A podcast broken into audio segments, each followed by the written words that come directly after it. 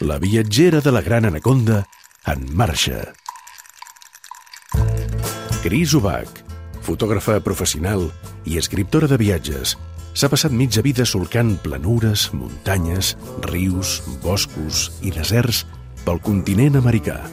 En una mà, el volant, en l'altra, la càmera de retratar i al davant, l'horitzó inabastable. D'aquestes vivències en són les seves cròniques americanes.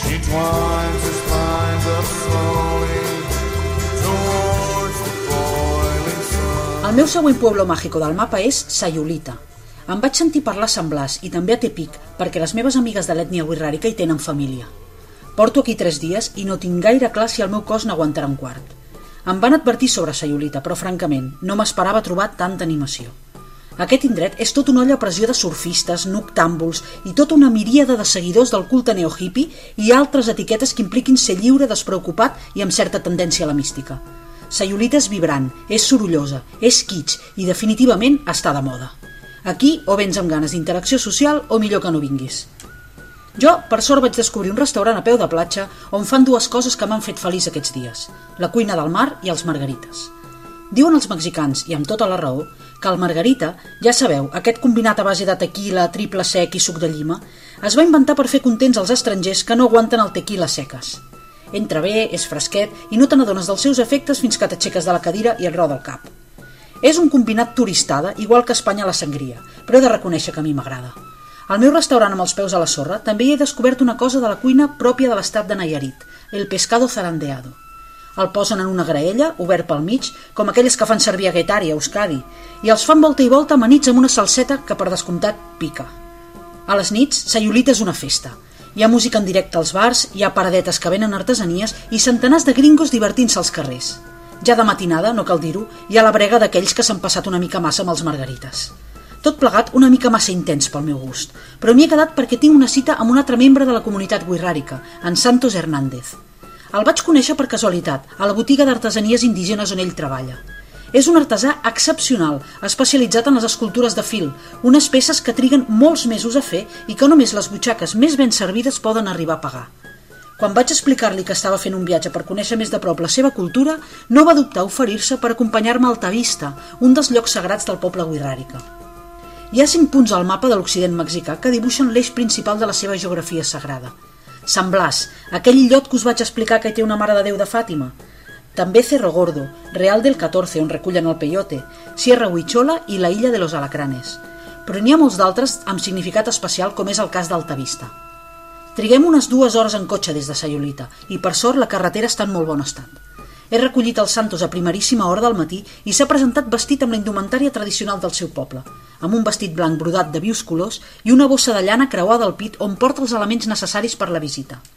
Obre la bossa i m'ensenya espelmes, un plomall d'àliga i cintes de vius colors. Això promet.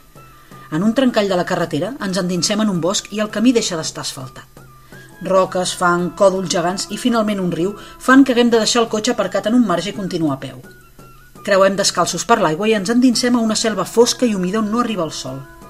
En un moment donat, en Santos em diu que hem de parar i hem de demanar permís als déus abans de continuar. Treu el plomall, tanca els ulls i fa uns càntics en la seva llengua. El moment és ben màgic, amb un raig de sol que s'escola entre les fulles il·lumina l'escena. Ja tenemos permiso, podemos seguir, em diu l'home, i continuem caminant. El bosc és exuberant, amb grans roques cobertes de molsa per tot arreu, lianes que pengen dels arbres i el riu, que ens acompanya en tot moment. Arribem a un conjunt de pedres que tenen patro... patro... Arribem a un conjunt de pedres que tenen petròglifs, que segons en Santos són precolombins.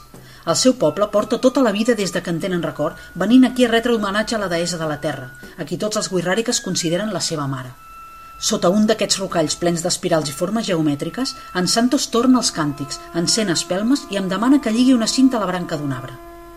Tornem a caminar i perdo el compte de quantes vegades repetim aquest procés a diferents roques que simbolitzen éssers sagrats una tortuga, un gos, una iguana i altres animals que fan funcions de guarda i guia per als éssers humans en els seus contactes amb les divinitats.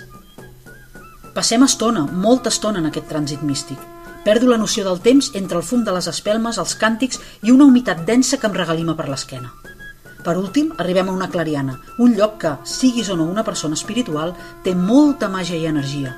Igual que aquelles catedrals gòtiques on tot està dissenyat per impressionar l'espectador, l'alçada dels sostres, els jocs de llum dels vitralls, també aquí, a alta vista, un té la sensació d'haver entrat en un lloc diví. Però en comptes d'arquitectura medieval, el que veig és un salt d'aigua rodejat de vegetació tropical i un altar fet de pedres que s'alça al vell mig de tota l'escena. És el racó on es fan les ofrenes principals a la deessa mare. La cerimònia que executa els santos és pausada i pautada, sobre les pedres hi queden les restes d'ofrenes prèvies, fruita, flors, espelmes a mig consumir i una imatge de la Mare de Déu de Guadalupe, sincretisme un altre cop. Amb una cassoleta feta de fang bevem aigua de la cascada. Segurament això serà la cosa més perillosa que faré avui. I l'home em convida a donar gràcies a la terra. Deixo flors, encenc una espelma i dono les gràcies sincerament, sobretot per haver pogut viure aquesta experiència màgica i tan íntima amb el poble Guirràrica. Els viatgers de la Gran Anaconda a Catalunya Ràdio.